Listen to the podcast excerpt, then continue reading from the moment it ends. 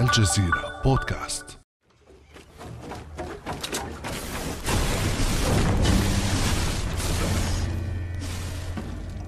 بزر واحد. تدخل عالم فورتنايت لتخوض معارك شرسة من أجل البقاء مع مئة لاعب ضمن مواجهات ومعارك مروعة. تتواصل إلى أن يبقى في المعركة لاعب واحد فقط. تتمنى أن يكون أنت. في عالم فورتنايت أنت لا تقاتل فقط. أنت تنجز أيضا. يمكنك إنجاز مباني على منطقة لعبك. لتستعمل تلك المباني كملاجئ كأنك في عالم حقيقي مع خاصية تسمح لك بتشكيله. هكذا بلاعبين مثلك ومثلي تفوز صناعة الألعاب الإلكترونية بمداخيل تقدر ب 43 مليار دولار سنويا لتتربع على عرش الصناعة الترفيهية في العالم وبفارق أرباح كبير عن صناعتي السينما والبث التلفزيوني. فما سر جاذبية الألعاب الإلكترونية للصغار والكبار؟ وكيف استطاعت التغلب على القطاعات الترفيهية الأخرى؟ ومتى ينتقل اللاعبون من مرحلة اللعب والتسلية إلى مرحلة الإدمان؟ وهل يمكن علاج حاله الإدمان على الألعاب الإلكترونية؟ بعد أمس من الجزيرة بودكاست أنا خديجة بن جنة.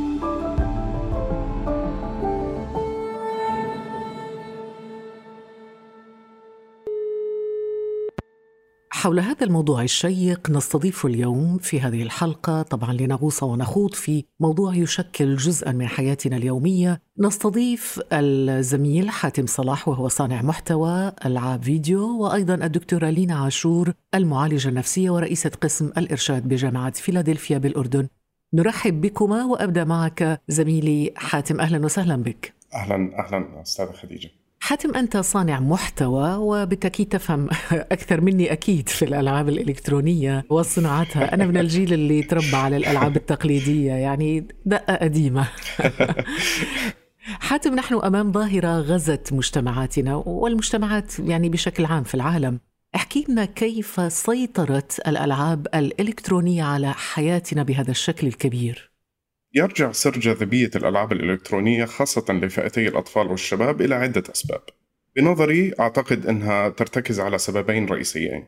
واحد التفاعل، لأنه يستطيع اللاعب التفاعل مع الألعاب بشكل مباشر وتغيير محتواها، وليست كالأفلام والمسلسلات حيث تشاهدها ولا يمكنك التحكم بمجريات القصة أو الأبطال. وهناك ألعاب قصصية محتواها يرتكز فقط على رواية القصة. ويستطيع اللاعب التحكم بمجريات القصة عن طريق اختيارات. فعلى سبيل المثال إذا شاهد أخوين مسلسلا أو فيلما نستطيع الجزم بنسبة 70% أنهم سيحصلان على نفس التجربة. أما إذا جربا لعبة ما فبنسبة 100% كل منهما سيحصل على تجربة مختلفة عن الآخر. وهذا بسبب اختلاف تفاعلهما مع اللعبة ومجرياتها.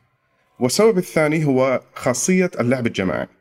تتيح معظم الألعاب الحديثة القدرة على اللعب الجماعي سواء عن طريق الإنترنت يعني أونلاين أو محليا أي في نفس المكان الأمر الذي جعل الألعاب في رواج ونجاح عن مثيلاتها من الأجيال السابقة يعني اللعبة ممكن تكون فردية ويمكن أن تكون م. جماعية لكن. كيف جذبت هذه الألعاب الإلكترونية إليها الأطفال والشباب؟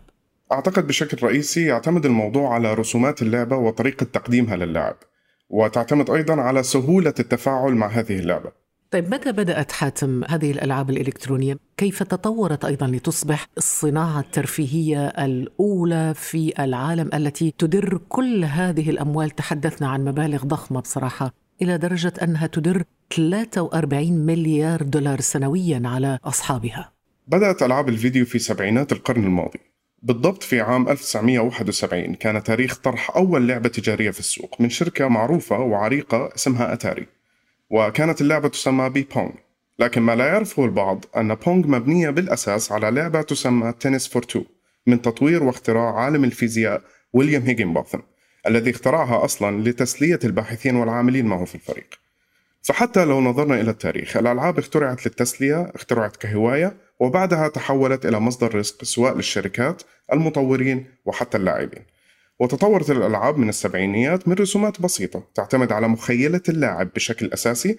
يعني مثلا عندما نرى نقطة بيكسل على الشاشة هذا هو بطل اللعبة. والنقطة الأكبر قليلا ممكن أن نعتبرها العدو أو الوحش في اللعبة. وتطورت بشكل ملحوظ خلال السنوات الماضية إلى أن وصلت إلى رسومات تكاد تصل إلى الحقيقية. حتى باستخدام التكنولوجيا الحديثة وصلت إلى استخدام الواقع الافتراضي وإدخال اللاعب إلى عالم اللعبة وفصله حسيا وحركيا ونفسيا من الواقع. يعني بمجرد ما يحط السماعة على أذنيه تجده منسجما مع عناصر اللعبة ومع اللاعبين كأنه موجود معهم في المعركة. صحيح. طيب حاتم لو تعطينا فكرة عن الألعاب الأكثر رواجا اليوم بين الشباب والأطفال. تعتبر ألعاب الجوال والأجهزة المحمولة هي أكثر الألعاب رواجا وذلك بسبب آه، توفرها بشكل مجاني على الجوالات وسهولة لعبها. هناك لعبة Fortnite التي تم ذكرها في البداية وهناك لعبة ببجي وهناك أيضا العديد من الألعاب ولكن تتربع Fortnite على عرش آه، الألعاب سواء على الجوالات المحمولة أو على المنصات مثل ال PlayStation وال Xbox. أنا رح أحكي لك قصة شخصية إنه أنا لما أشوف ابني يعني متسمر أمام الشاشة وهو يلعب هذه اللعبة أراه يضحك حينا يصرخ ويصيح حينا وأشعر أنه يحدث نفسه. يعني ما الذي أو ما هي خصائص هذه اللعبة؟ وكيف تجري صناعة المحتوى حتى وصلنا إلى هذا الشكل الذي يجعل الطفل أو الشاب أو اللاعب بشكل عام يدخل يندمج يضحك يحزن يبكي يعني كل هذه الحالات العاطفية في آن واحد.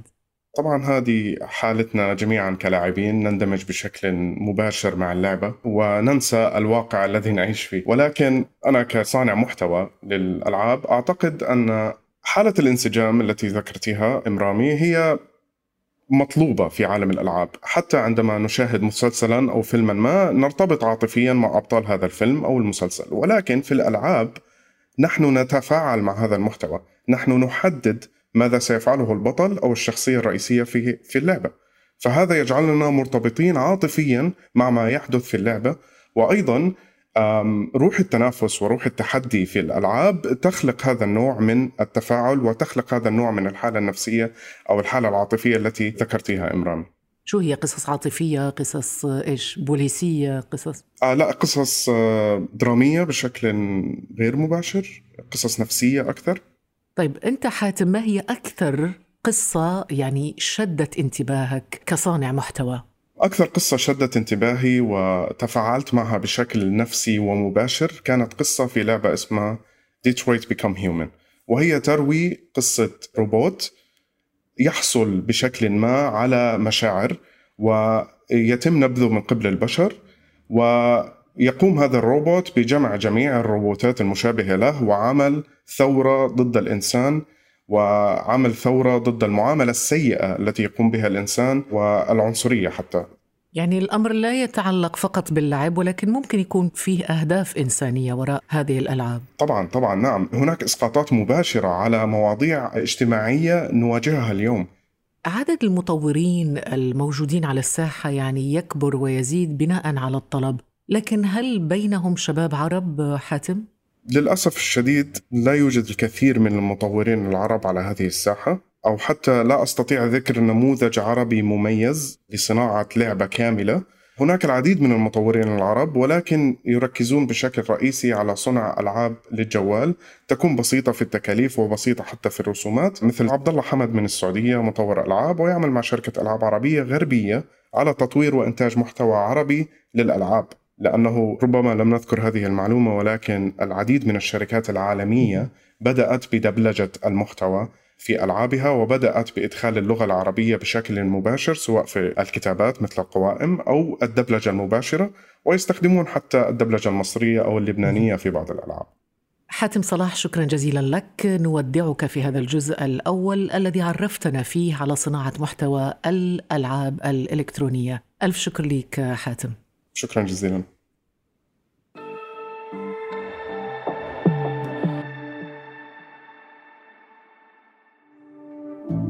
فعل زر الاشتراك في تطبيقك لتصل الحلقات يوميا إلى هاتفك بشكل تلقائي.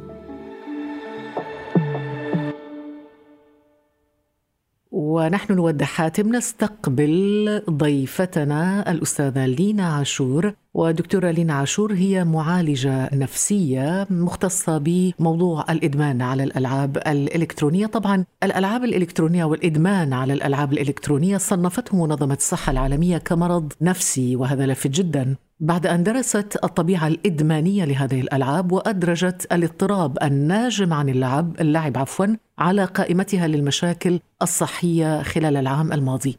متخصصون في العلاج من الإدمان يقولون إن إعطاء الأطفال جوالا ذكيا يتساوى في الخطورة واسمعوا جيدا هذه الجملة يتساوى في الخطورة مع إعطائهم جرام واحد من الكوكايين.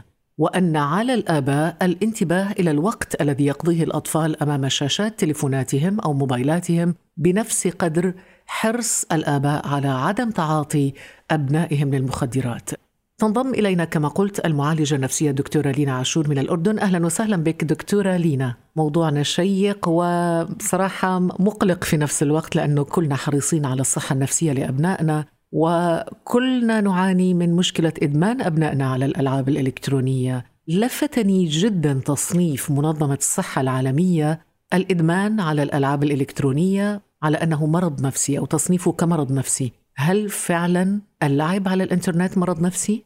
فعلا صنفته منظمة الصحة العالمية ضمن الاضطرابات النفسية أو أحد أنواع الإدمان وسموه ال gaming disorder ويعني بس بدي أناقش نقطة قلتيها أنه كل أبنائنا مدمنين؟ لا مش كل أبنائنا مدمنين. قد يكون هناك يعني استعمال كبير ولساعات طويلة عند كثير من الأبناء والكبار والمراهقين للألعاب الإلكترونية ولكن هذا لا يعني أنهم مدمنون. الإدمان له تصنيفات معينة سنتحدث عنها. متى يمكن أن نصدر حكما ونقول هذا اللاعب مدمن على الألعاب الإلكترونية. آه، في البداية خلينا نخلي الشخص الأخصائي هو اللي يساعدنا في إصدار الحكم لكن عادة إذا استمرت مجموعة من الأعراض لمدة سنة فبنقول إنه الشخص عنده إدمان وهي لا يوجد سيطرة على مقدار الساعات التي يستغرقها الشخص في اللعب. تصبح اللعب أولوية على حساب كل نشاطات الشخص الوظيفية ويستمر بها بشكل قهري ليس لأنه يريد أن يلعب ولكنه يجب لا يستطيع التوقف عن اللعب فيستمر بها بغض النظر عن السلبيات التي تؤثر على حياته يعني. طيب وتؤثر أيضا على صحته. أيضا المنظمة أشارت إلى انه الإدمان يوازي استهلاك أو في خطورته طبعا استهلاك واحد جرام من الكوكايين. هذا شيء خطير بصراحة. حدثينا عن الأعراض الصحية المباشرة على الطفل أو على اللاعب. نتحدث عن اللاعب الكبير والشاب والطفل بشكل عام. نعم هناك مجموعة كبيرة من الآثار الصحية والنفسية والاجتماعية.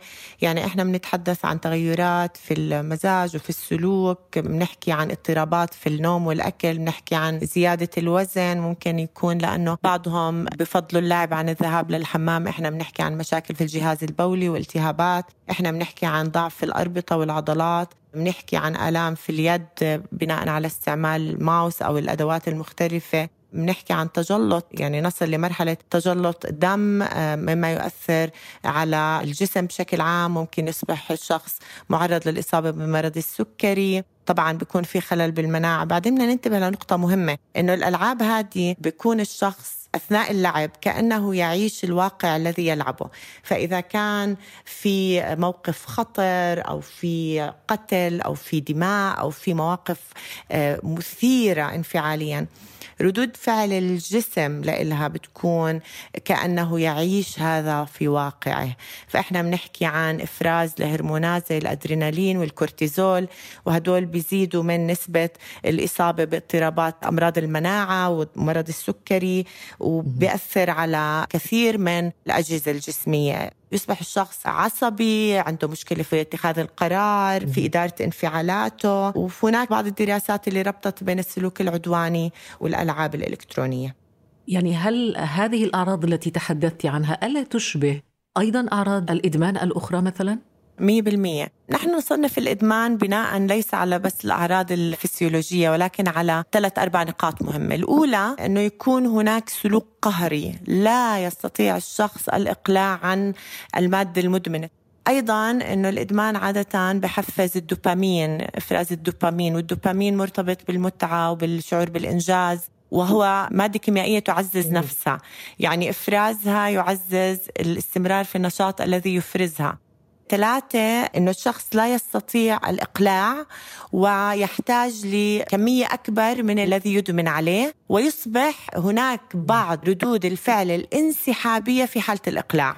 دكتورة لينا طبعا نحن نمر ب يعني فترة ربما أو مرحلة غير مسبوقة في تاريخنا وهي مرحلة الحجر الصحي تأثير هذا الحجر الصحي والمنزلي البقاء في المنازل. تأثيره أيضا على زيادة عدد المدمنين على الألعاب الإلكترونية بحكم بقائهم لمدة طويلة في البيت.